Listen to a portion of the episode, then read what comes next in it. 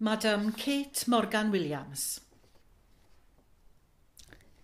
Yn gynharach eleni o dan nawdd archif Menywod Cymru, dath cyfle i wrando ar Catrin Stevens yn traddodi darlith fer am rai o'r merched fi'n ymwneud â deiseb a pel heddwch, heddwch Merched Cymru yn 1923. A pawb i fynd ati i chwilio am wybodaeth am y merched tua 400 i gyd. Esyll Jones sy'n sôn am hanes un ohonynt. Ganwyd Catherine Morgan yn 1862 yn Nowlais ger Merthyr Tydfil. Chwech o blant Thomas a Harna Morgan brodorion o Landeisant Sir gar. Ond fel cymaint wedi symud i weithio yn y gwaith heiarn yno.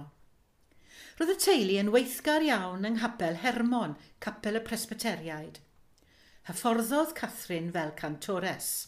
Yn 1990, enillodd ddwy brif wobr yn Eisteddfod Genedlaethol Bangor yn cynnwys yr unawd contralto ac roedd galw mawr amdani fel unawdydd mewn cyngherddau.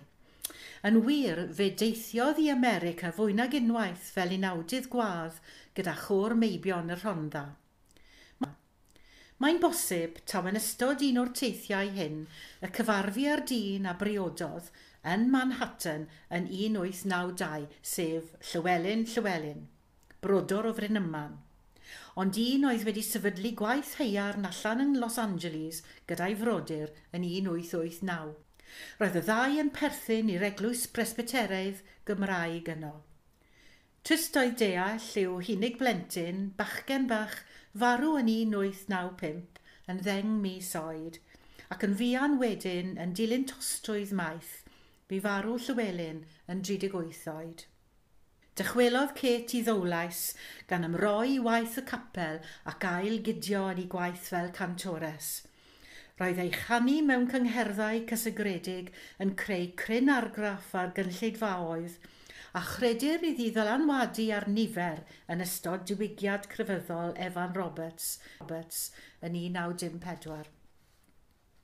Yn y cyfamser, roedd dwy o'i chwiorydd wedi priodi ac wedi symud i fyw i Frynaman.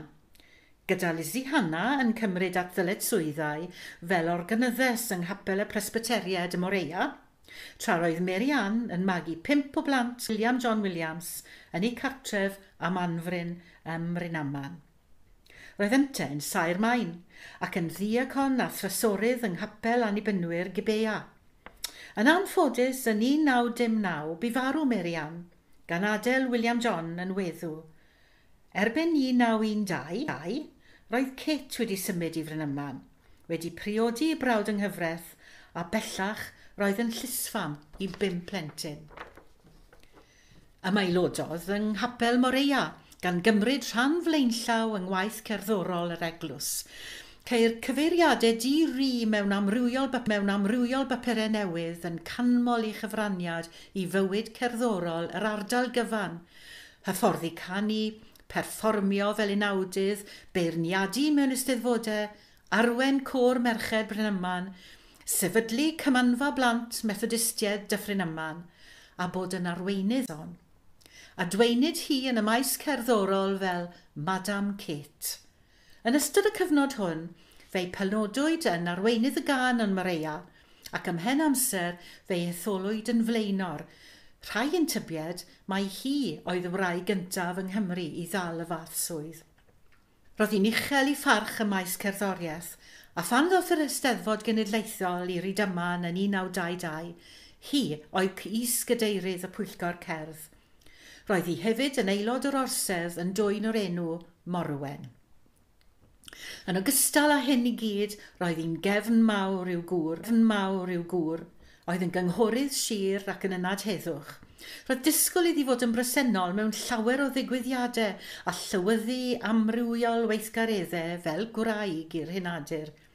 Hi oedd yn cynrych rheoli Brynaman ar nifer o bwyllgorau yn ystod y rhyfel byd cyntaf, megis, am yn fod yn Valley Ladies Engaged in Good Work – lady managers to supervise girls' evening classes, Soldiers and Sailors Association, Advisory Committee for Supervision of Boys sent to Carmarthenshire from London.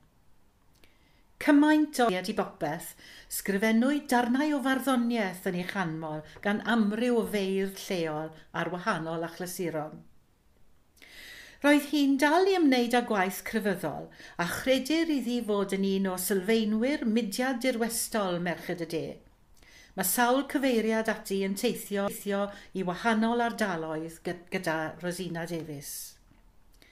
Yn dilyn tostwydd byr, bu farw ym mis aws 1931 ac roedd cynrychiolwyr o ganghennau Merched y De o ardaloedd Dowlais, Rhondda, Pontardawe, Sgeti, Caerfyrddin a, ffrych, a yn bresennol yn y gwasanaeth angladdol. Fe'i claddwyd yn yr un bedd a'i chwar Merian, y mynwent Capel Gibea, ond gosodwyd plac hyfryd y tu mewn i Gapel Moreia i'w chaffau.